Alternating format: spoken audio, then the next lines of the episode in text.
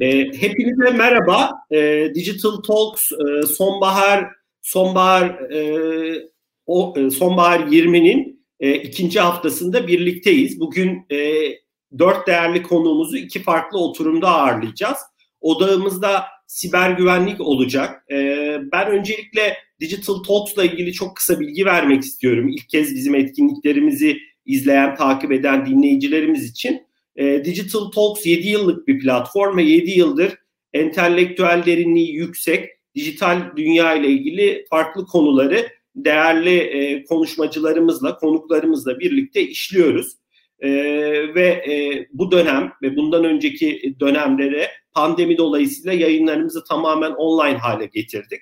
E, bu seride bizi destekleyen değerli sponsorlarımız Türkiye İş Bankası'na ve Borçeli'ye de ben teşekkür ediyorum. Ayrıca medya sponsorumuz Bloomberg Business Week'e e, teşekkürlerimizi sunuyoruz. E, ayrıca bu dönem bizim davetimizi kırmayıp kabul eden e, değerli konuşmacılarımıza te- teşekkürlerimi ben sunuyorum. E, bugün ilk oturumumuzda iki değerli konuğumuz var. E, Gökhan Say, Innovera'nın yönetici ortağı ve genel müdürü. E, Gökhan hoş geldin sohbetimize. E, ikinci konuşmacımız Tuğba Öztürk. Tuğba'yı daha önceki dönemlerde ağırlama fırsatımız olmuştu. E, tekrar yine birlikteyiz. Kendisi A101'in bilgi güvenliği ve e, yönetişim müdürü. E, Tuğba hoş geldin sohbetimize. Merhaba, hoş bulduk. E, dilersen Gökhan seninle başlayalım sohbetimize. E, e, uzun yıllardır e, siber güvenlik sektörünün içinde olan e, değerli bir girişimcisin, profesyonelsin. E, dilersen biraz Innovera ile ilgili öncelikle bize bilgi ver. Innovera'yı nasıl bir vizyonla kurdunuz? E, ve e, biraz sektörün içinde olan bir kişi olarak siber güvenlik sektörünün gelişimini nasıl görüyorsun? Neler paylaşmak istersin bizimle? Ben sözü sana bırakmak istiyorum.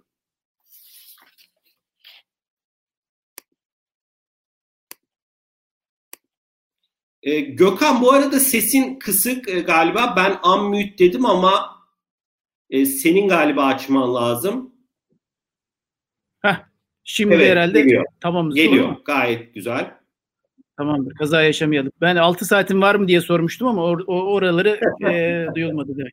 Tamam. İnşallah ee, ne zaman Gökhan e, tabii odaklanırız daha da uzun.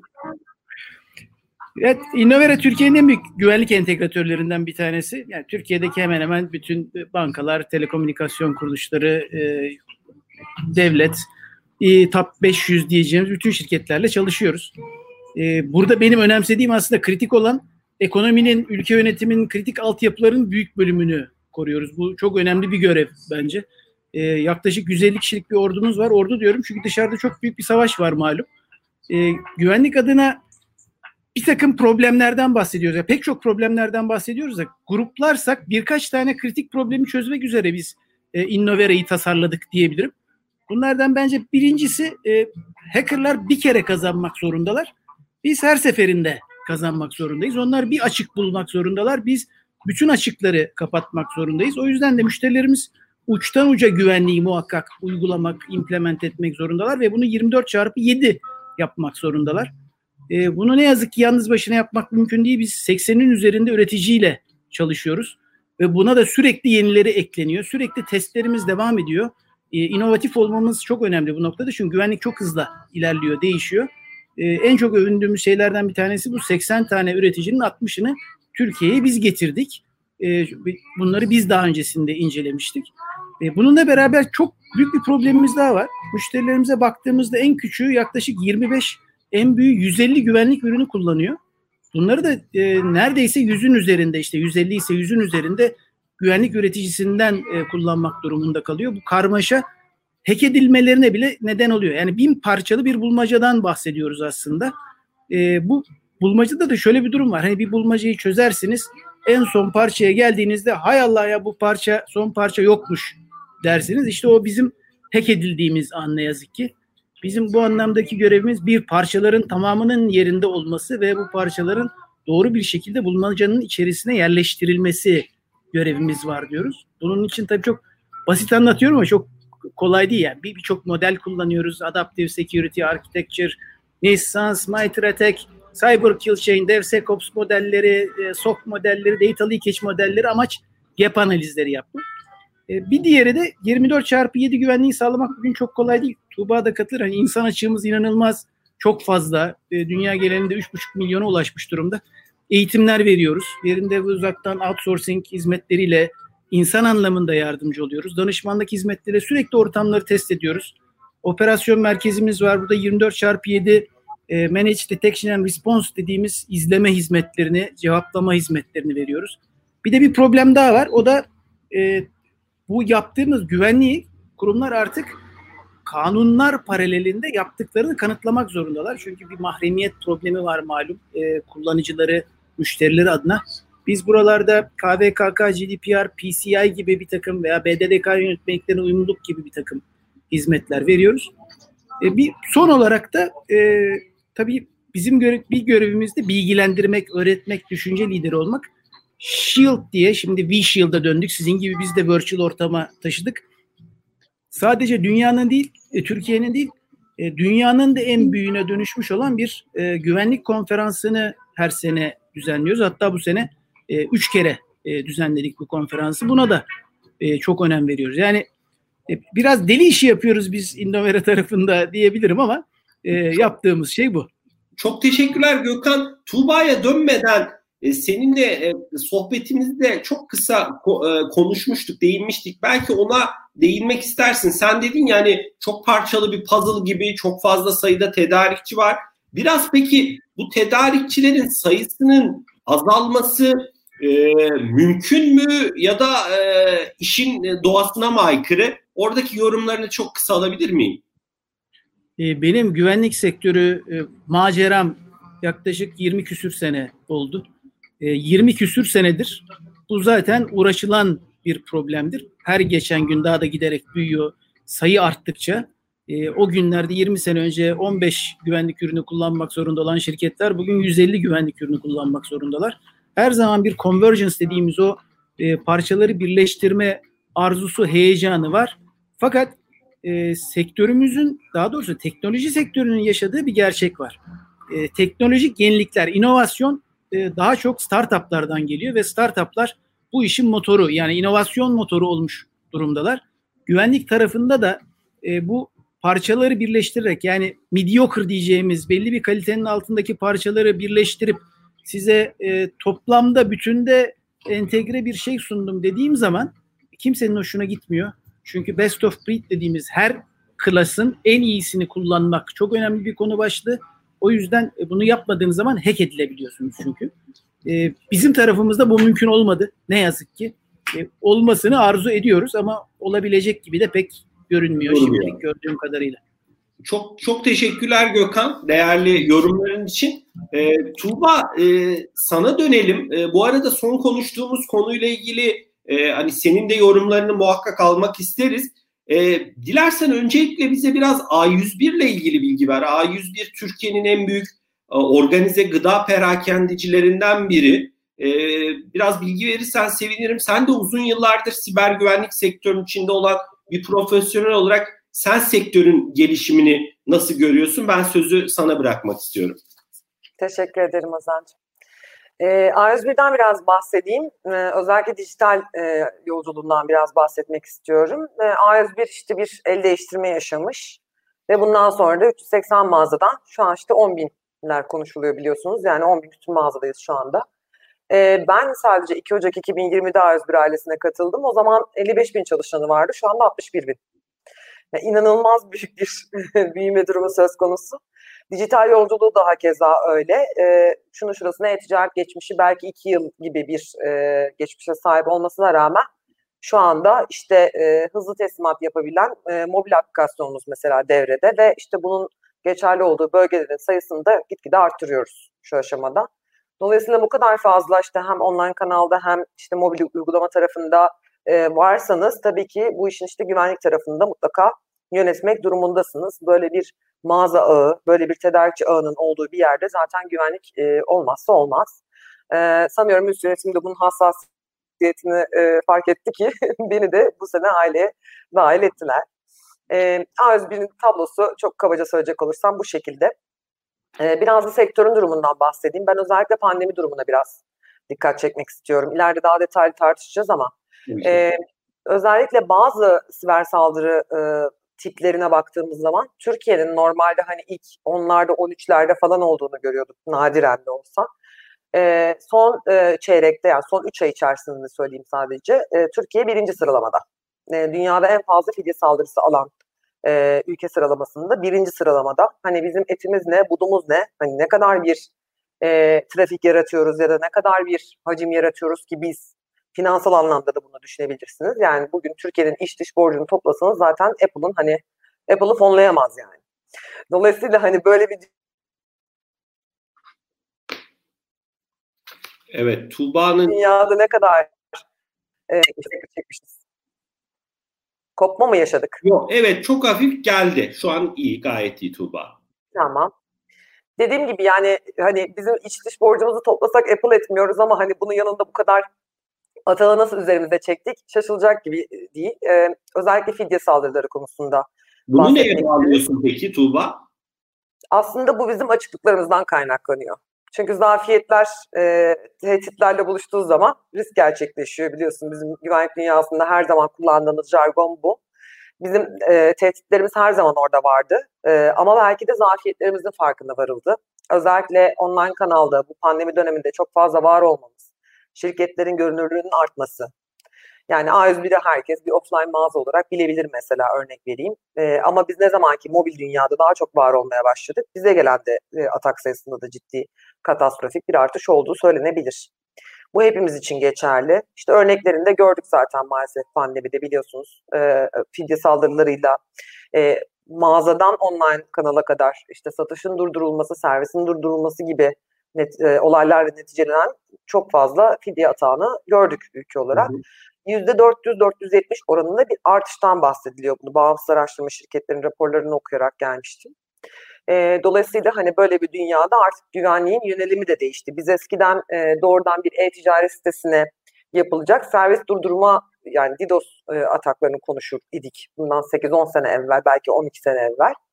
Özellikle işte operatörler üzerinden gelen atakları nasıl savunuruz diye konuşurduk. Daha sonra gündemimiz kredi kartı güvenliğine ve kişisel veriye doğru kaydı.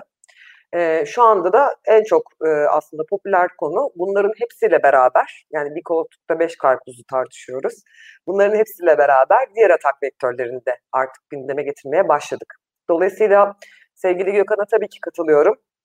Her biri için e, bu e, tehditleri savuracak farklı farklı güvenlik çözümlerini birbirine entegre şekilde yönetmek, bunları orkestra e, şekilde yönetebilmek, bir orkestrasyon sağlamak hem şirket içinde hem organizasyonel olarak süresel olarak hem de sistemsel olarak çok zor. Çok teşekkürler Tuğba. Ee, ilerleyen dakikalarda da e, devam ederiz zaten. Daha derinlemesine konuşuruz. Vaktimiz de oldukça var.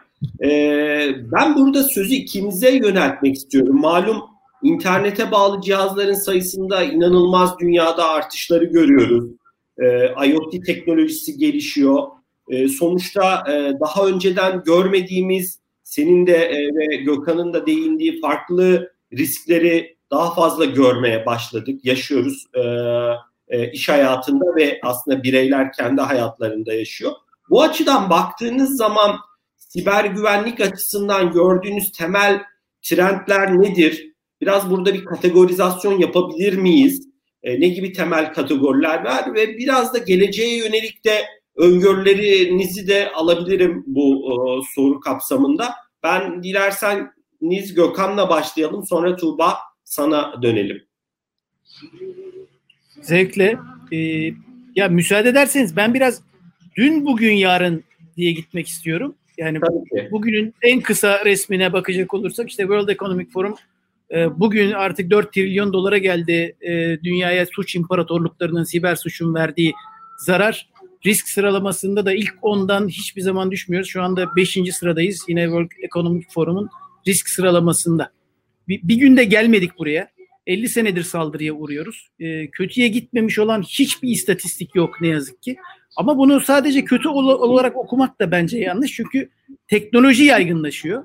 E, hikaye bence kısaca şu. Yani güvenlik dünyasını iş dünyasının dinamikleriyle takip etmek lazım. Çünkü kural basit. İş nereye gidiyorsa teknoloji oraya gidiyor. Teknoloji nereye gidiyorsa güvenlik ve suçlar da oraya doğru gidiyor. e, tarih boyunca hep böyle oldu. O yüzden de tarihten öğrenmek lazım diye düşünüyorum. Yani bugün işte e, suç örgütleri ne yapmaya çalışıyorlar? E, banka ise parayı çalmaya çalışıyorlar. Teknoloji şirketi ise IP çalmaya, devletse sırrı çalmaya çalışıyorlar. Bu örnekleri arttırabilirsiniz ama işte gidin 1969 Klein Rock ve ekibi internet yani ARPANET projesiyle internetin ilk versiyonunu e, yaratırken hemen arkasından iki sene sonra 1971'de ilk virüsle karşılaştık Creeper'la. E, 1972'de Darknet'in ilk versiyonu ortaya çıktı. E, MIT ve Stanford öğrencileri Amazon'dan eBay'den önce bile ilk online e, transaction yaptılar ama uyuşturucu üzerineydi. E, sonra 2000'lere kadar biraz sessiz gittik ama işte 95 ile 2000 arasında 15 milyondan 350 milyona çıkınca internet kullanıcıları bir anda büyük bir patlama yaşandı. Yani onlarla ifade edilen virüs sayıları patladı. Bugün 950 milyona gelmiş durumda. Ee, yine güzel şeylerle aslında bunlar giderken işte iPhone 2007'de e, ortaya çıktı.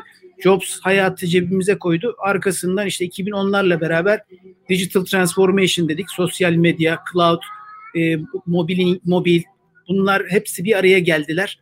E, bununla beraber big data demeye başladık malum. E, bunlarla beraber de işte mahremiyeti kaybetmeye başladık, sınırları kaybetmeye başladık, kontrolü kaybetmeye başladık. E, dijital transformasyonun birinci dalgasında başarısız olduk biz güvenlikçiler için kabul edelim ne yazık ki. Şimdi ikinci dalgasını yaşıyoruz. Buna aslında dijital bile demiyoruz. Cognitive transformation diyoruz.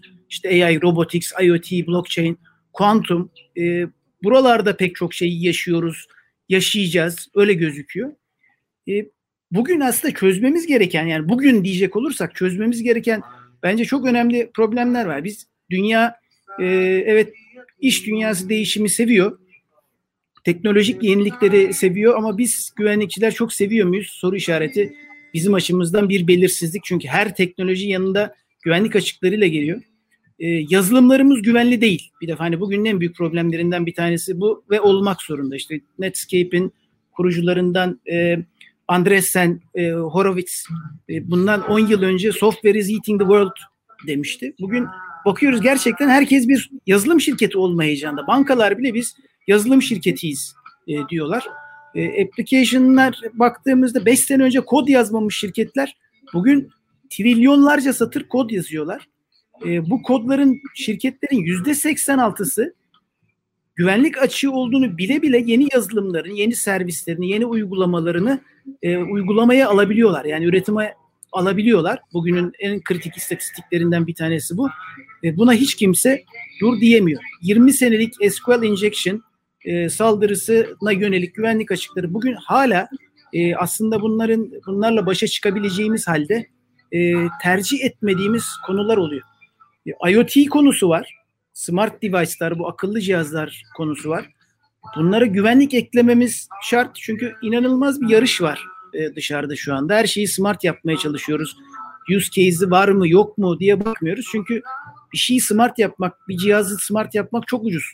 E, ama karşılığında kazandığınız para çok yüksek. Ama yerine göre bu cihazlar mesela kameralar bugün 1 milyon e, kameralık işte şeylerden bahsediyoruz.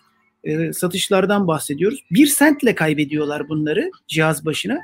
E, güvenliği eklemek bir anda inanılmaz bir e, külfet haline geliyor. Fakat işte bugünün DDoS, Tuğba da DDoS saldırılarından bahsetmişti. DDoS saldırılarına baktığımız zaman yaşadığımız en büyük e, DDoS saldırısını e, yine hack edilmiş olan e, IoT cihazları nedeniyle yaşamış durumdayız. İşte Mirai saldırısı mesela bunlardan bir tanesi bir terabit per second'a çıkmıştı. Biz güvenlikçiler olarak e, bizim görevimiz CIA diyorduk. Hani o havalı CIA değil de confidentiality, integrity, availability, e, gizliliği, bütünlüğü ve sürekliliği sağlamak. Bugün buna e, safety eklendi. İnsan hayatını korumakla da görevlendirilmiş durumdayız. Yani insan her zaman ne yazık ki zincirin hep zayıf halkası. E, saldırıların yüzde 95'i insan hatalarından kaynaklanıyor. İşte phishing saldırıları, fidye saldırıları. Fakat burası şu anda arabaların hack edilmesi, medikal cihazların hack edilmesine doğru gidince bir anda insan hayatı kritik hale gelmiş durumda. E ben bugün bakıyorum yani gerçekten de e, sıradan bir kullanıcının bir spear phishing dediğimiz yani o kişiye özel phishing saldırısına e, kanmaması mümkün değil. Hele ki bugün bir de deep fake'lerden bahsediyoruz. Düşün hani görüntülerin ve sesin tamamen taklit edilerek e, bunlarla phishing yapılması konusundan bahsediyoruz. E, bunları aşmak teknoloji olmadan e, bir kişiye bırakılabilecek şeyler değil. E, password problemlerimiz var. E, bugün 300 milyara e, yaklaşmış durumda kullandığımız passwordler dünya genelinde. E, Darknet'te satılan passwordlerden gördüğümüz kadarıyla e, en çok dünyada kullanılan birbiriyle yaklaşık 10 senedir yak- yak- yarışıyor bunlar. E, password eşittir password 1, 2, 3, 4, 5. Şimdi böyle bir dünyanın içerisinde passwordlerden de kurtulmak zorundayız. Bence bu da yine bir teknolojik problem. Yani passwordless dediğimiz passwordlerin olmadığı dünyaya geçmek de bugün üzerinde çok çalıştığımız, biyometrikle beraber çok yalkat ettiğimiz bir konu başlığı. Bence burada e, önemli gelişmeler olacak e, diye görüyorum. E, bununla beraber bir de privacy yani mahremiyet konumuz var. İşte Facebook, Cambridge Analytica hatırlarsınız bundan iki sene önce seçimler sırasında Brexit e, sırasında yaşanan e, konular Amerikan seçimleri konusunda. E, bir tarafta tamamen bizim özel bilgilerimiz, özlük bilgilerimiz birilerinin elinde ve biz bunu tercih ediyoruz sosyal medya olduğu zaman. E, sosyal medya bir Big Brother'a dönüşmüş durumda. E, ama diğer taraftan da Big Brother da hala orada olmaya devam ediyor. Ulusal güvenlik öndedir derken e, mahremiyet, o confidentiality e, ve e, privacy ne yazık ki inanılmaz derecede ihlal ediliyor. Yazılımlarda biraz, biraz pandemide herhalde bu konuda insanların e, hani bilgi verme motivasyonunu e, olumlu yani daha fazla verir hale geldiler e, devletler de bunu daha fazla talep eder hale geldi. Bir ek olarak söylemek istedim. E, Yo istemli istemli istemli ihlal bunların hepsi. Aynen. Kesinlikle katılıyorum. Yani hani e, şimdi bazı şeylerde kaos ne yazık ki e, hepimiz açısından aynı şey oluyor değil mi? Hani kaos ortaya çıktığı zaman e, bir anda ulusal güvenlik e, şeyimiz veyahut da can sağlığı dediğimiz zaman mahremiyet konusu arka plana itilmeye başlıyor.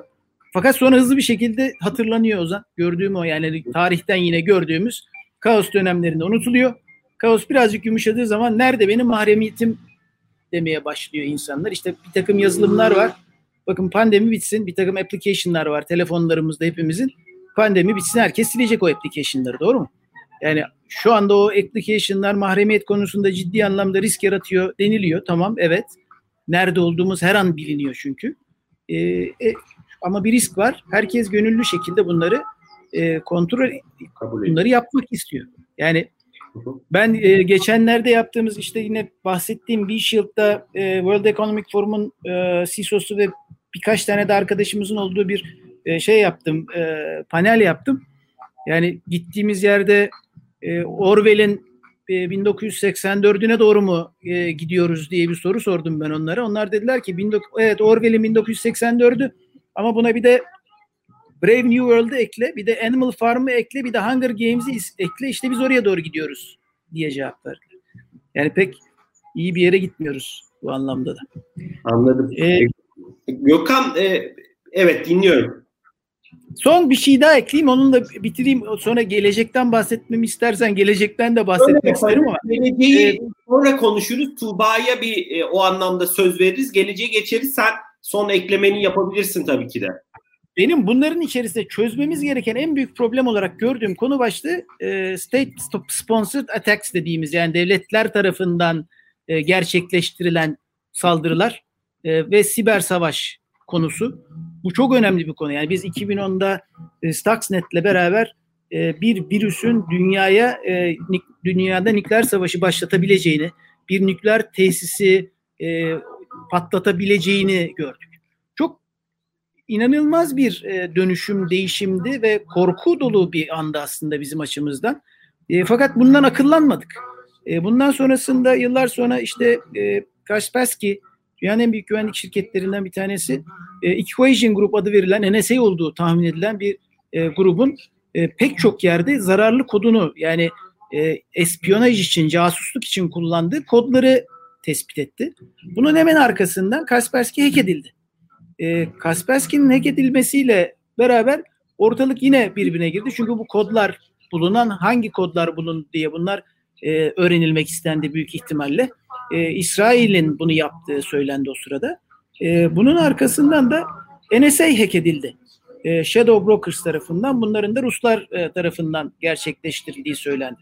Ve e, Rus NSA'in dünyada kullandığı bütün casusluk yazılımları, sıfır gün açıkları dediğimiz açıklar bunların hepsi Darknet'e, internete düştü. düştü. Bunlardan bir tanesi Eternal Blue'du ve ne yazık ki WannaCry'da kullanıldı. Dünyanın e, en tehlikeli ransomware olarak bilinen WannaCry'da kullanıldı. Mesela Stuxnet e, kodunda yapılan bir hatadan dolayı İsrail ve Amerikan e, işte Amerikalılar tarafından yapıldı söylenen e, Stuxnet kodunda bir hata yapıldığı için bu da internete yayıldı ve dünyadaki bütün hackerlar Stuxnet gibi gelişmiş ki tarihte geliştirilmiş olan en gelişmiş koddu e, Stuxnet. Bundan öğrendiler ve bunlara e, buna benzer kodlar hazırlamaya başladılar. Duku, Flame gibi ar- arkasından birçok kod geldi. Sadece bu Stuxnet'in öğrenilmesiyle. Yani nükleer silahın bugün belki belli bilgilerini kaybetseniz, çaldırsanız e, tasarımlarını herkes nükleer silah yapamayabilir. Ama herkes Stuxnet gibi bir kodu verdiğinizde biraz yazılımdan anlıyorsa e, benzer bir e, nükleer silahtan daha tehlikeli olabilecek bir kodu geliştirebilir. E, bu yüzden de hani bu siber savaş oyunları diye bir film vardı. Oradaki güzel bir söz vardır. E, konu e, siber savaşa gelirse en iyi hamle hiç hamle yapmamaktır e, der orada. Gerçekten de bence öyle. Siber savaş dönüp muhakkak o siber savaşı başlatan ülkeye de zarar, zarar veriyor ve bence burada bir siber Genova Convention diyorum ben orada bir o convention'ın yapılması lazım. Bugün NATO ülkeleri bile birbirine saldırır hale gelmiş durumda. E, bu konunun da muhakkak çözülmesi lazım. Gündemde olması lazım. Çok teşekkürler Gökhan verdiğin değerli örnekler, e, film önerisi ki ben izlememiştim. Muhakkak notlarımı aldım. Baya e, o 25-20 senelik bir film ama çok evet seyretmende fayda var. Çok Gökhan bunları komentlerin altında paylaşmanı rica edeceğim. Genelde çünkü bizim katıldığımız panellerden sonra çok fazla soru geliyor. Vallahi arada benim bile kaçırdıklarım olabilir. Ben de izleyeyim eğer eksim var. Uba sözü sana bırakalım. Ee, ne eklemek istersin? Yorumların bu konuda ne olur? Senin e, değerli paylaşımlarını alalım. Gökhan çok güzel bir özet geçti. İnanılmaz doyurucu. Ee, sadece ufak tefek eklemelerim var benim. Biliyorsun her hafta Siber'in Günlüğü isminde bir işte YouTube kanalımız üzerinden bir takım yayınlar yapıyoruz değerli Murat arkadaşımla. Ee, orada bir daha önce bir paylaşımımız vardı. Aslında ben e, gelecek öngörüleri konusunda maalesef başarılı bir isim değilim. Çünkü bu pandemi olayından çok önce hiç sanki başımıza böyle bir şey gelmeyecekmiş gibi şöyle bir belik lafta bulundum. Ee, e-ticaretten bir yerden bir şey sipariş etmiştim. İşte kargo şirketi de beni kızdırdı. Ben de dedim ki işte bir gün işte bu kargo kurye olayları tamam bitecek. İşsiz kalacaksınız. İşte e, kasiyerler de hatta işsiz kalacak. Zaten Amazon Go olayı bitirdi. Bugün Migros'ta bile işte biliyorsun şey var. E, insansız kasalarımız var. İşte Carrefour'da var. E, A101'de de bizim şu anda e, yeni başlayan e, kasalarımız var. Jet kasalar bunlar. E, bunlar olduğu için dedim ki yani bir gün kasiyerler de işsiz kalacak, e, kargocular da işsiz kalacak. İşte dünyada 8 milyon mesela kasiyer varmış. Kaç milyon e, kargocu var bilmiyorum. E, ama e, kargoculara çok kızdığım için böyle bir laf etmiştim. Aradan birkaç hafta geçti ve pandemi patladı. Bilin bakalım pandemide en çok kim çalıştı? Yani kasiyerler ve kargocular tabii ki. Lojistik elemanları. E, hepsinden özür diliyorum bu hususta. Dolayısıyla bana belki de geleceğe yönelik, e, yönelik olarak bir şey sormak çok mantıklı olmayabilir. Ee, sadece yakın vade için şöyle bir tahminim var. Gökhan doğru söylüyor. Evet yazılıma döndü her şey artık. Yani bugün e, network'ü de biz yazılım araçları üzerinden e, yönetiyoruz. E, fiziksel olarak bildiğimiz bütün cihazları zaten yazılım üzerinden yönetiyoruz artık.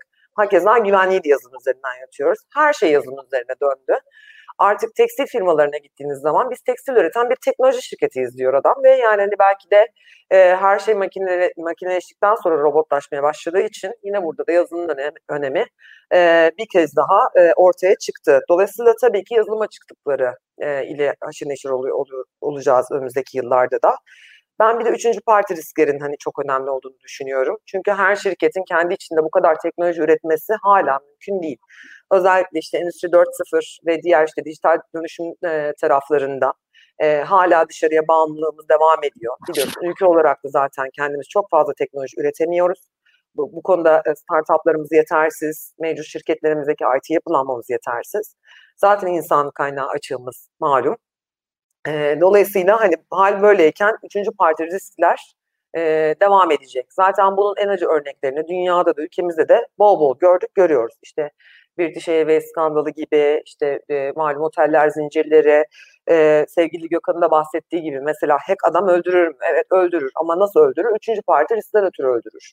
İşte hastanenin destek almış olduğu işte bir third party yazılım üzerinden ya da bir o hastaneler zinciri. Amerika'da 250 tane hastane zinciri mesela aynı anda lockdown yaptı. Acilden hasta kabul edemediler. Çünkü hastanın geçmiş dosyalarına ulaşamıyorlar.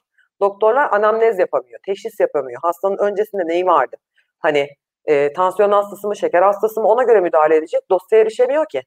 E, kağıt kalem üzerinden yeni gelen hastalara müdahale etmeye başladılar. Eski hastalarını da başka hastanelere transfer etmeye başladılar. Mesela böyle bir kişi öldü. Biz bunun mesela haberini yapmıştık. Yani hack insan öldürür mü? Evet öldürür. Hani e, drone'u ya da insansız hava aracını hacklersen, bunun üzerine bir silah hacklersen böyle de öldürebilirsin suikast maksatlı. Ya da bir üniversiteyi hackliyorum zannedersin. Gidersin üniversitenin hastanesini hacklersin. Orada hiçbir dijital cihaz çalışamaz hale gelir, her şey lockdown olur. E, ve işte hastayı başka bir hastaneye sevk etmeye çalışırken maalesef canından olur o hasta. E, çok yakın zamanda yaşanmış bir örnek bu bahsettiğim. Siz de Dolayısıyla e, olay... programınızda bahsetmiştiniz Tuğba. İzledim. Evet. Ellerinize sağlık. Siz de çok değerli paylaşımlar yapıyorsunuz. Murat Teşekkür ederim. Çok sağ ol Ozan'cığım. Dediğim gibi yani olay buralara doğru gelmeye başladı. Siber savaşlar konusunda yine Gökhan çok haklı. Uzunca bir müddetten beri zaten bildiğimiz bir şey. Ya espiyonaj maksatlı geliştirilmiş uygulamalardı bunlar. Ee, işte silahın yanlış ele geçmesi e, durumu söz konusu. Ya da işte ülkelerin e, zaten desteklediği aslında siber terörist gruplarının e, yürütmüş olduğu faaliyetler var. E, açıkçası ülkemizde bu tür örneklere ben yaptığım araştırmalarda çok fazla rastlamıyorum. Bize genelde bireyselciler geliyor. Yani hani siber savaşlardan ötürü başka bir hükümet destekli bir olaya çok çok aman aman rastlamadım. Şimdi özellikle pandemi dönemindeki yaşanan örneklerde mesela yaptığımız haberlerde de genellikle bunu gördük. Yani daha çok bize işte para kazanmak için fidye e, yazılımı üzerinden. Bizde derken Türkiye'ye saldırı anlamında diyorsun değil mi Tuğba? Evet yani hükümet destekli olarak Türkiye'ye işte Hı-hı. terörist grupların e, yapmış olduğu siber saldırılardan bahsediyorum. Bunlar Hı-hı. siber terörist diye adlandırabiliriz. Bunu kısıtlı ee, görüyorum. Evet yani ülkeler arası savaşlarda aslında Türkiye şu anda çok ön planda değil. Ama hı hı. tabii ki bize gelen atakların hatlı sayılır bir bölümü yani %76-86 hani bandında diyebilirim. Bu banttaki saldırılar zaten yurt dışından geliyor. Yurt içinden aslında az atak alıyoruz. Biz saldırıyor muyuz? Evet biz de saldırıyoruz. Yani Türkiye'nin de e, hekim konusunda e, hatlı sayılır bir şeyi var aslında e, teşkilatlanması var diyeyim yani. Ama bu arkadaşlar ediyoruz Ama orada Gökhan'la bugün bir sabahtan bir sohbet ediyorduk. Aslında orayı çok kısa açayım orada sen de yorumunu paylaş Gökhan da. Tabii. E, Gökhan şey dedi mesela Türkiye e, hacker sıralamasında sayı olarak e, Çin'i söyledin Gökhan, Amerika'yı söyledin. Sonra Türkiye ve sonra Rusya geliyor dedin. Biraz buradaki sayının çokluğunu neye bağlıyorsunuz? Gökhan sen söyle yani çok kısa yorumunu alalım. Tuğba'yı da bölmüş olmayalım. Sonra Tuğba'nın da yorumunu alalım orada. Valla ben açıkçası e, şimdi her kötü şeyin içinde bir de güzel bir şeyler arama eğilimde, pozitif olma eğiliminde olduğum için e, güvenlikçe de aranan bir özellik olmayabilir belki ama e, buraya biraz daha kod okur yazarlığı olarak da bakıyorum. Yani evet buraya bir ilgi var e, çocukların ilgisi var gerçekten de. Türkiye'de bu saldırı gerçekleştirme konusunda e, inanılmaz bir ilgi görüyoruz. 4.7 tüm dünyadaki hackerların 4.7'sinin Türkiye'de. Çin bu arada %41'i yani hani Amerika %10'u e, bir anda bayağı yarıya düşüyor ama hani Rusya ile Tayvan'la oldukça yakın gözüküyoruz. Ve bu istatistikler belli yerlerde farklı da çıkabilir ama e, hiçbir yerde ilk 5'ten 6'dan aşağı e, olduğumuzu görmüyorum açıkçası. E, buradaki kritik konu şu. Bu kardeşlerimiz tamam bugün belki e, kötü noktada bir black hat hacker olarak e, bir takım şeyleri yapıyorlar ama onları white hat yapabilir miyiz? Veya teknoloji geliştirmek için bu kardeşlerimizden destek alabilir miyiz? Şimdi her şey software olduysa bugün dünyada ki bunu hepimiz kabul ediyoruz. E, şimdi Avrupa'nın en büyük nüfuslarından bir tanesiyiz. ikinci sıradayız ama diğer tarafta bakarsanız developer sayısıyla 123 bin 12. sıradayız. Yani doğal Almanya 80 Gökhan doğal olarak diyorsun ki buradaki potansiyeli e, hani e, beyaz şapkalı hacker e, ya da teknolojinin farklı alanlarında buradaki insan kaynağını kullanabiliriz. Bu bir avantajca dönüştürülebilir diyorsun. Yanılmıyorum değil mi? Kesinlikle. Bugün mesela e, bizim belki e, şirketlerimizden bir tanesi e, Atar Labs ARGE yaptığımız, yazılım geliştirdiğimiz şirketimiz Microfocus tarafından dünyanın en büyük e, yazılım devlerinden bir tanesi Microfocus tarafından satın alındı. Şimdi burada güvenlikten çok iyi anlayan tabii ki yazılımcı kardeşlerimin olduğu onlar tarafından geliştirilmiş bir yazılımdan bahsediyoruz. Bu bir dünya devletinin dikkatini çekebiliyor. Bizim ülkemiz bu anlamda e, kötü bir noktada değil aslında. Yapılması gereken çok şey var. Yani bugün Almanya bizimle aynı nüfusa sahip ama 8 katımız developer var Almanya'da. Bu sayıyı arttırmamız çok önemli. Ülkemizde inanılmaz yetenekli kardeşlerimiz var. Ee, evet bunlar şu anda Black, Black Hat hacker olma yönünde de bir takım eğilimler içeriyor olsa da onları muhakkak e, içeriye çekmemiz yani doğru yola e, karanlıktan aydınlığa doğru götürmemiz lazım diyeyim. Tuğba'ya bırakayım. Çok teşekkürler. Tuğba senin sözünü kesmiş gibi olmayalım. Sen konuşuyordun. Ben ek bir e, bölüm açmak istedim. E, sözü ben sana bırakıyorum. Bu konuyla da ilgili yorumların varsa seve seve alabiliriz tabii ki. E, ben nasılını da biraz tartışmak istiyorum. Şu aralar mesela çok fazla şeye katıldım. Sevgili Ozan konferansa panele katılma imkanı buldum.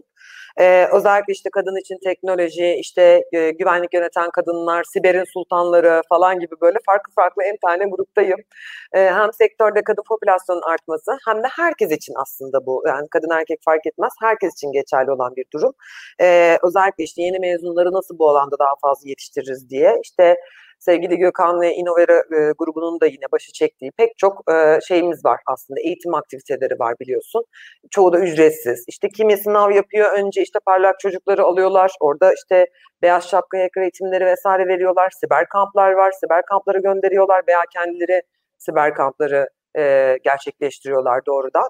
Buralarda biraz belki de hani bizim de e, özel sektör şirketleri olarak en azından kamuda bu çok mümkün olmayabilir ama en azından özel şirket e, özel sektör şirketleri olarak belki bug bounty e, uygulamalarına daha çok ağırlık vermemiz lazım. Ama burada regülatif bazı kısıtlar var önümüzde. Yani e, kamunun düzenlediği bazı kısıtlardan ötürü. Biz mesela bugün kalkıp bir bug bounty yapsak ve birisi gerçekten bu e, kapsamda bizi ciddi bir atakta bulunacak olsa bir ben öz yönetime ne hesap vereceğim, iki ben KVKK kurumuna ya da işte SPK'ya tabiysem oraya gibi e, türlü türlü e, düzenlemelerden mütevellit kamu otoritelerine nasıl hesap vereceğim şeklinde bir takım kaygılar var. Eğer bu kaygılar giderilebilirse Gökhan'ın dediği çok doğru. Bu işi evde tek başına ya da işte underground'a inmeden yapmak isteyecek işte biraz da helal süt emmiş ya da bizim beyaz tarafa doğru kaydırabileceğimiz çok genç yeteneklerimiz var gerçekten. LinkedIn üzerinden bana ya bir ay içerisinde ulaşabilen gençlerin sayısına inanamazsın o zaman yani her zaman daim yazıyorlar. İşte Tuğba Hanım iş değiştirmişsiniz haberiniz olsun sitede şöyle bir açık var ben teşekkür ediyorum. Açığın boyutuna kadar hediye veriyor biliyorum falan filan. Ee, ama yani günün sonunda şey bundan ben bir hizmet almış oluyorum aslında bu da bir bug bounty.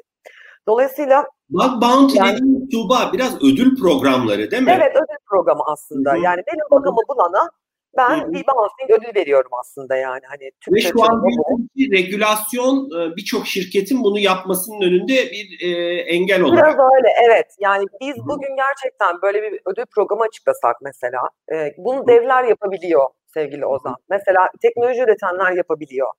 Ee, ya da işte örnek ben bir güvenlik duvarı üretiyorum. Diyorum ki bu güvenlik duvarını şuralarda şuralarda doğru düzgün konfigüre ettim. Sen gel buralara bir dene bakalım diyorum. Veya bir teknoloji üreticisiyim. Örnek vereyim Samsung.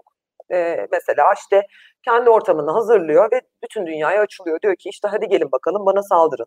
Veya bunlar için konferanslar yapılıyor zaten DEFCON gibi falan. Türlü türlü konferanslar yapılıyor uluslararası boyutta.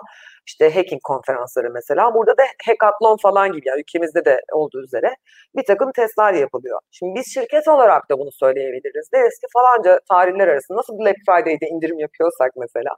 Falanca tarihler arası işte sitesini açtık. ettik. Gelin burada test edin bizi diyebiliriz yani. Hani bunun için test ortamı dedik edebiliriz. Problem değil. Ama oradaki açık tespit edildikten sonra bizim o açığı yamama hızımızla bir teknoloji şirketinin bunu yamama hızı arasında dağlar kadar fark var. Birinci düşüncü, düşündüren nokta bu. İkincisi gerçekten başıma bir şey gelirse, diyelim ki o açığı buldu ve oradan ilerledi ve bir şekilde bir fayda sağladı burada. Ya da bir başkası bu açığı buldu e, ve bir fayda sağladı. Çünkü gizlilik anlaşması falan imza atıyoruz zaten bu tür yarışmalarda. Ama bu tür şeyler yapıldığı zaman bizim kamu otoritesine karşı duruşumuz ne olacak?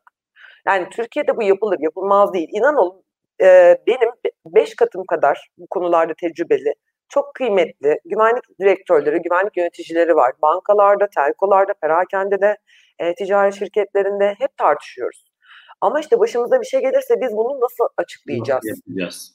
Evet yani bize çünkü kamunun bakış açısı şöyle olacaktır. İşte siz kendi kendinizi mi hackletiyorsunuz? Bir de para mı veriyorsunuz üstüne gibi anlatabiliyor muyum? Çünkü bu bir basit bir penetrasyon testinin çok ötesinde bir şey. Gelen adamın kimliğini her zaman bilme şansınız yok. Anladım Tuğba. E, bu diyorsun sonuçta Gökhan'ın da dediği o potansiyeli çok yüksek. E, aslında kendini de geliştiren arkadaşlarımızın daha beyaz tarafa kayması için de çok ciddi bir fırsat olur diyorsun. Gökhan bu konuyla ilgili senin yani sadece bu konuyla ilgili yorumun var mı? E, Valla yani yüzde yüz katılıyorum Tuğba sana ama bugün ilginç bir durum var yani Amerika Savunma Bakanlığı bile bu bug bounty programlarıyla e, çalışıyor. E, bunlardan fayda sağlıyor. Yani hani bunun e, kamu olmak, işte devlet kurumu olmak, özel sektör kuruluşu olmak değil. E, bugün e, başımızı kuma gömmenin hiçbir anlamı yok. Zaten biz bunları kendimiz görmüyorsak hackerlar görmüyorlar mı ki? Yani bu adamların o bir tane açığı bulmak için uyguladığı yöntemler bakın bugün e, dual time dediğimiz bir saldırının e, bir şirketin içerisinde kalması, onu tespit etme süremiz e, 300 günlerden başladı. İşte şimdi yüzlere düştü. Tekrardan 200 günlere çıkmaya başlamış durumda. Bu adamlar networklerimizde gezerken o güvenlik açıklarını kullanırken farkına varmıyoruz. Bugüne kadar tespit edilmiş en uzun saldırı 12 yıl. Düşünebiliyor musunuz? Yani 12 yıldır kod içerideymiş 12 yıldır içeride o yapması gerekenleri yapıyormuş e, ve kimse bunun farkına varmamış. Yani biz bu açıkları bilmiyoruz diye onlar bilmiyor anlamına gelmiyor. Kendimizi kandırmayı bırakalım diyor. Çok teşekkürler. Ee, Tuğba senin hani son e, kategorizasyon sınıflandırma ile ilgili bir ekleyeceğin var mı yoksa ben devam edeyim mi? Yaklaşık bir 18 dakikamız da var bu arada onu da hatırlatmış olayım. Hani vaktimiz var. Ee, sana yani bir ekleyeceğin varsa alabilirim yoksa devam edebiliriz. Devam edelim istersen Ozan'cığım.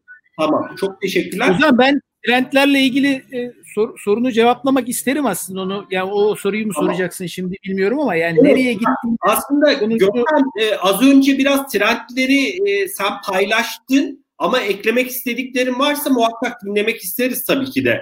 E, yani e, o soru kapsamında seve seve dinleyebiliriz. Yani aslında burada kritik olan şey şu. Hani e, trendleri anlatmak çok zor değil yani. Geleceğe doğru öngörülerde bulunmak çok zor. Şu anlamda değil. Her şey çok daha kötü olacak diyorsun. E, işte hack edilmemiş şirket, hack edilmemiş teknolojisi, teknoloji IP'si ol, olan işte herhangi bir şeyin hack edilmemesi mümkün olmayacak. Tost makinesi de olsa, insan da olsa ya doğru gidiyor. Fakat burada kritik olan e, AI konusu var e, AI Wars'dan bahsediyoruz. Yani AI savaşlarını inanılmaz yoğun bir şekilde yaşayacağız gibi gözüküyor.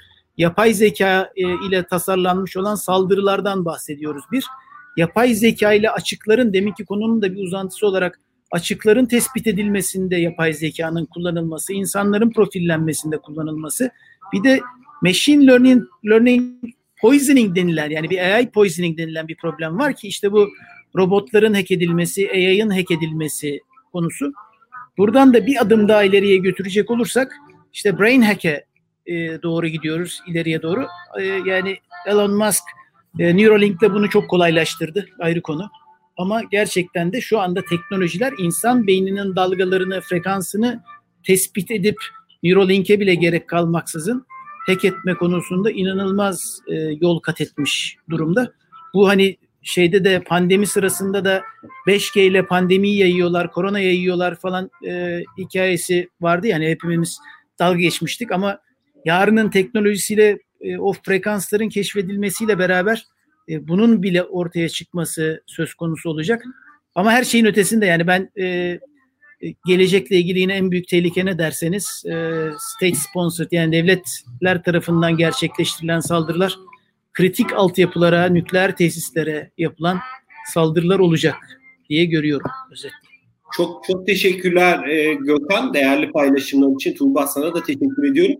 Biraz belki şeyi çok kısa konuşabiliriz. Ee, hani Türkiye özeline de dönmek açısından faydalı olabilir ama belki biraz global perspektifte de bakabilirsiniz olaya tabii ki. Ee, Tuğba aslında sohbetin başında biraz değinirsen e, pandeminin e, biraz kurumlardaki iş yapış şeklini çok derinden etkilediği hepimizin e, malumu. Çok fazla sayıda çalışan evlerinden çalışmaya, uzaktan çalışmaya başladı ki bu süreç oldukça da uzayacak gibi e, gözüküyor. Biraz buralara baktığınız zaman şirketler neler yapmalı ya da ne gibi sıkıntılarla karşılaştılar bu pandemi realitesini düşündüğümüz zaman. E, bir de kimi şirketler bazı projelerini çok hızlı yayına aldı.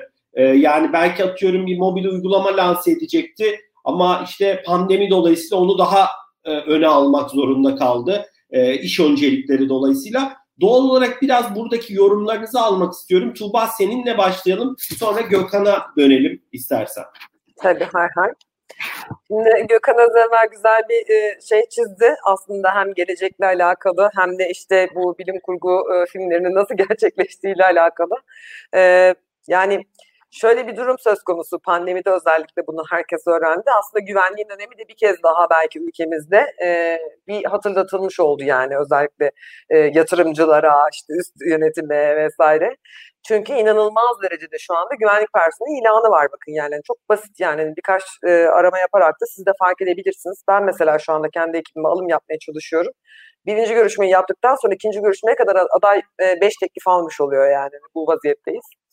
E, dolayısıyla pandemide yaşananlar tabii ki çok büyük örnek oldu bütün dünyaya e, IT anlamında ve e, bazı servisler dediğin gibi e, Ozancım daha e, hızlı piyasaya markete çıktı. Bunlardan e, en önemli örneklerden bir tanesi mesela az evvel bahsettiğim benim A101 kapıda örneği.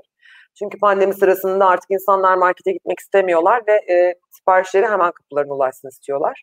Dolayısıyla bu tür uygulamaların çok daha hızlı go live olduğunu görüyoruz. Markete çok daha e, çabuk ulaştığını görüyoruz. Tabii bu sürecin e, arkasından e, bir nevi nal toplamaya çalışan güvenlikçiler var bir de işin içerisinde. Biz e, e kervan bir yolda düzmeye çok alışkın bir milletiz maalesef. Burada atladığımız en önemli şey de security by design dediğimiz konu. Ben her panelde bunu hep anlatıyorum. Ben anlatmaya da devam edeceğim nefesim tükenene kadar. Bir şeyi kurgularken özellikle şir bütün şirketler için bu geçerli. Bir şeyi kurgularken bu süreç de olabilir. Ee, bir işte bilgi teknolojileri e, anlamında yeni bir yatırım olabilir. Sizin üreteceğiniz herhangi bir teknoloji olabilir, yazılım vesaire herhangi bir şey olabilir. Bunun güvenliğini en baştan tasarlamak durumundasınız risklerini değerlendirmek durumundasınız. Örnek veriyorum işte bir e, veri alışverişi varsa bir üçüncü partiyle aranızda veya iki sisteminizin arasında bu Tuğba ufak bir bağlantın. Veri alışverişi nasıl gerçekleşiyor? Evet. Şimdi refresh oldu galiba. Evet şu evet. an gayet iyi. Evet dediğim gibi eğer bir veri alışverişi varsa bu veri alışverişi safhasında bu dış taraflarla olabilir, iç taraflarla olabilir. Bunların nasıl daha güvenli yapılacağı ile alakalı mutlaka kafa yormak zorundasınız. Ee, ister hani AI gibi teknolojileri tercih etmiş olun, machine learning vesaire tercih etmiş olun, ister e, farklı e, old school dediğimiz yöntemlerle çalışın. Hepsinde gerekli güvenlik önlemlerini en baştan düşünmüş, tasarlamış ve orada konumlandırmış olmamız gerekiyor ki tasarım safhasından itibaren canlıya geçene kadar bu e, uçtan uca güvenli bir e, şey uygulama olabilsin karşınızdaki ya da teknoloji. Ama tabii biz bunu yapamıyoruz Türkler olarak dediğim gibi e, kervanlı yolda düzme alışkanlığımızdan ötürü. En çok da aslında buradan çekiyoruz.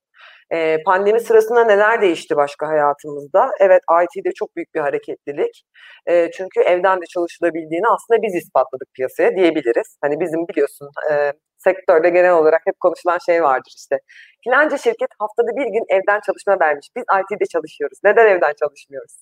şeklinde. Ee, biz pandemide hep beraber ülke olarak öğrendik ki evden gayet güzel çalışılıyormuş. Ama bu tabii biraz da e, köleliğe doğru gitmiş vaziyette. Şu anda hani inanılmaz yoğun saatler, e, bilgisayar hiç kapanmıyor. İki dakika yüz yüze halledebileceğimiz meseleyi e-mail ile telefonla çözmeye çalışıyoruz. Böyle bir olumsuz etkisi de oldu.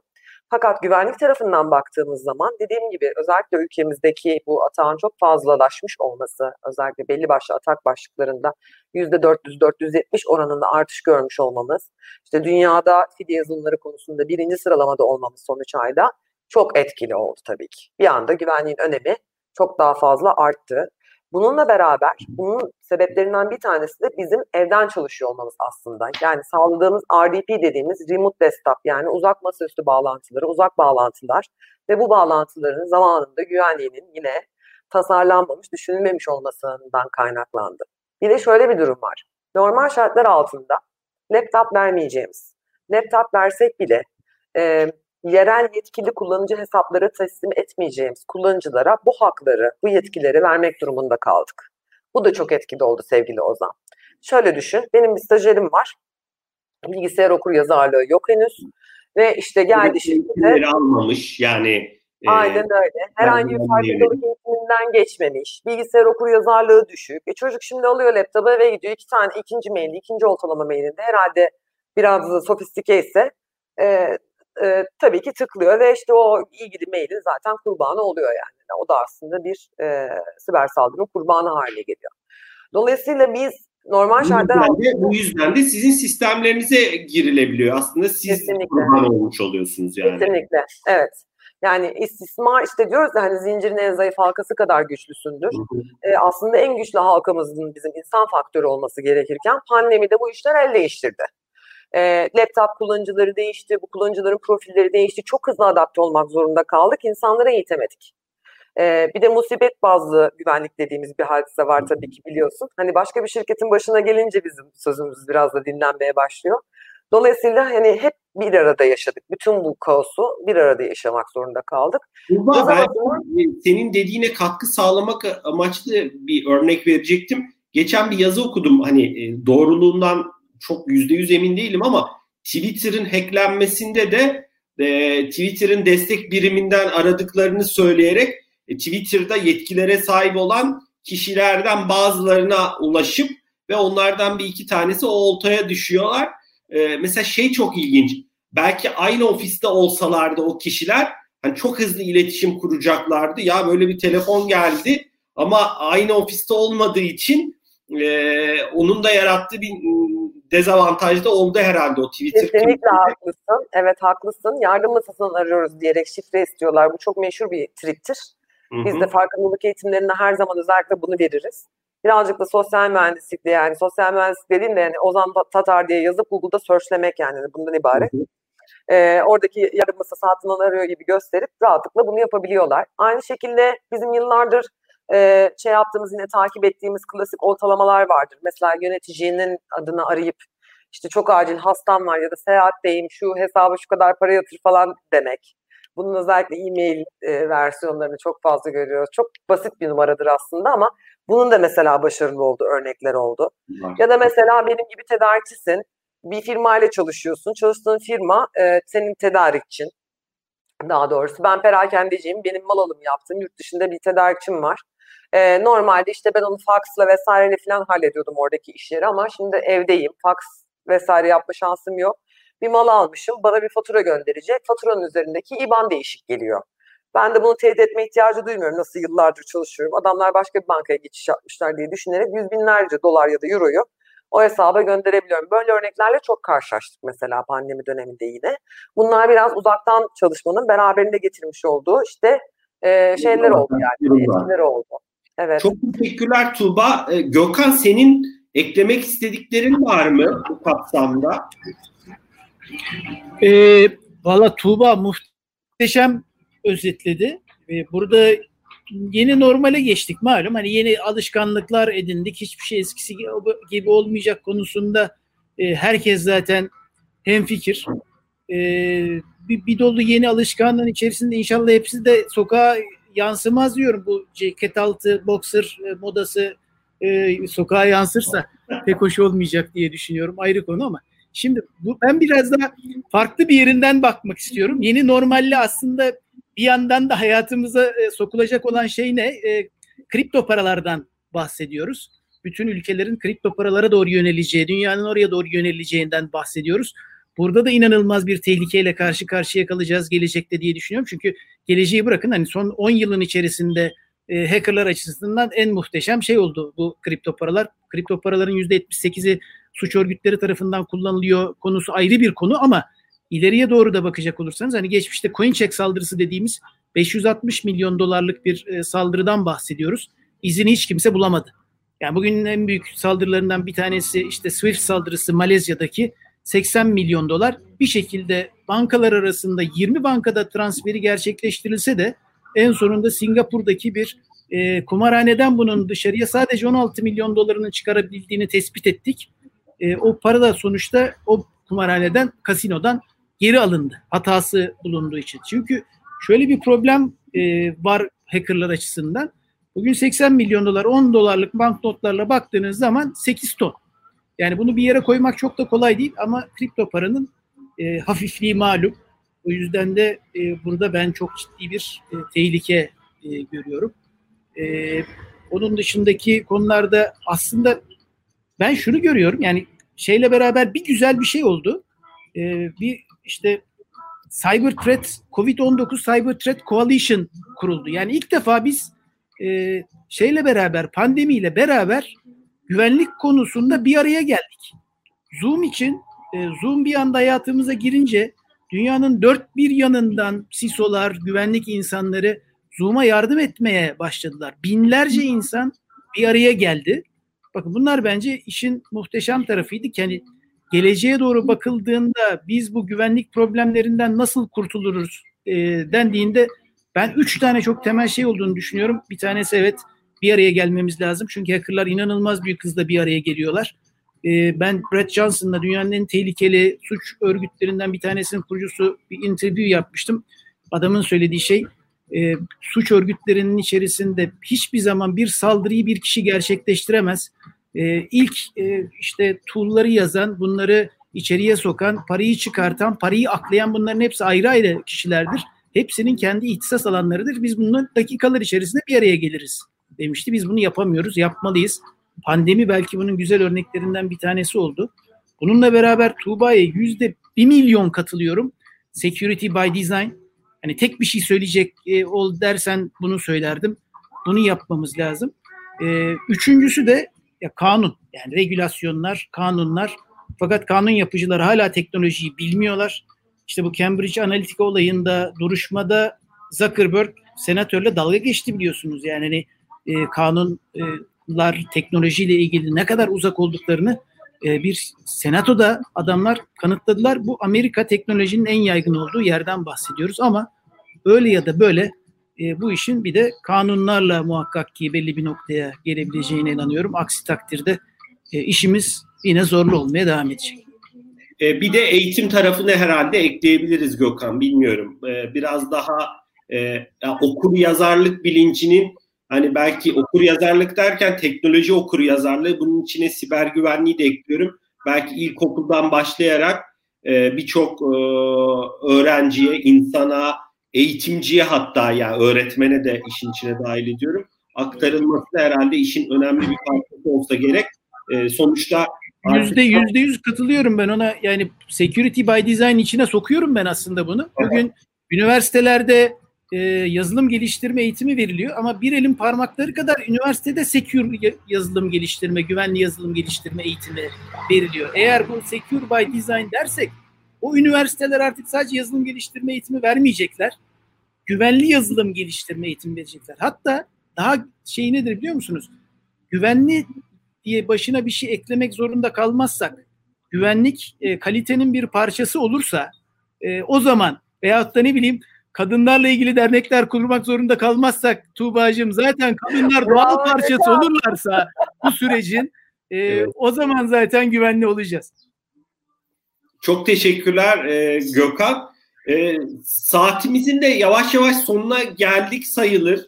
E, güzeldi yani çok sağ olun değerli paylaşımlarınız için. Ben son e, hani bir tur daha bir tur derken hani birer dakikalık belki son yorumlarınızı alırım. E, değerli paylaşımlarınız için ben çok teşekkür ediyorum. E, Gökhan e, biraz daha hani e, özellikle umutsuz demeyeyim de hani biraz dikkatli olmamız gerektiğinin mesajını çok verdi ama bence sonda da bir araya gelmenin önemi ve bunu aşmamızın e, yolunu da bizlerle paylaştı. O açıdan ben de hani siber güvenlik sektörünün direkt içinde olmayan bir kişi olarak daha pozitif bakıyorum şu an. Onu e, söyleyebilirim ilk başa kıyasla. E, dilersen Tuğba senin son sözlerini alalım, e, yorumlarını birkaç cümleyle. Sonra Gökhan'ın da alalım ve bu keyifli sohbeti e, burada sonlandıralım. Eminim ilerleyen dönemde de farklı e, konularla, gündemlerle ama yine siber güvenlik olacak şekilde e, eminim bir araya geliriz. Ben sözü sana bırakıyorum Tuğba. Çok teşekkür ediyorum her ikinize de bu keyifli sohbet için öncelikle. Ee, benim mesajım arkadaşlar her canlı hareket edecektir. Mühim olan ne kadar acıyacağı yani. yani ona göre önlemimizi alacağız. Yapacak başka bir şey yok. Kefenimizi giydik çalışıyoruz.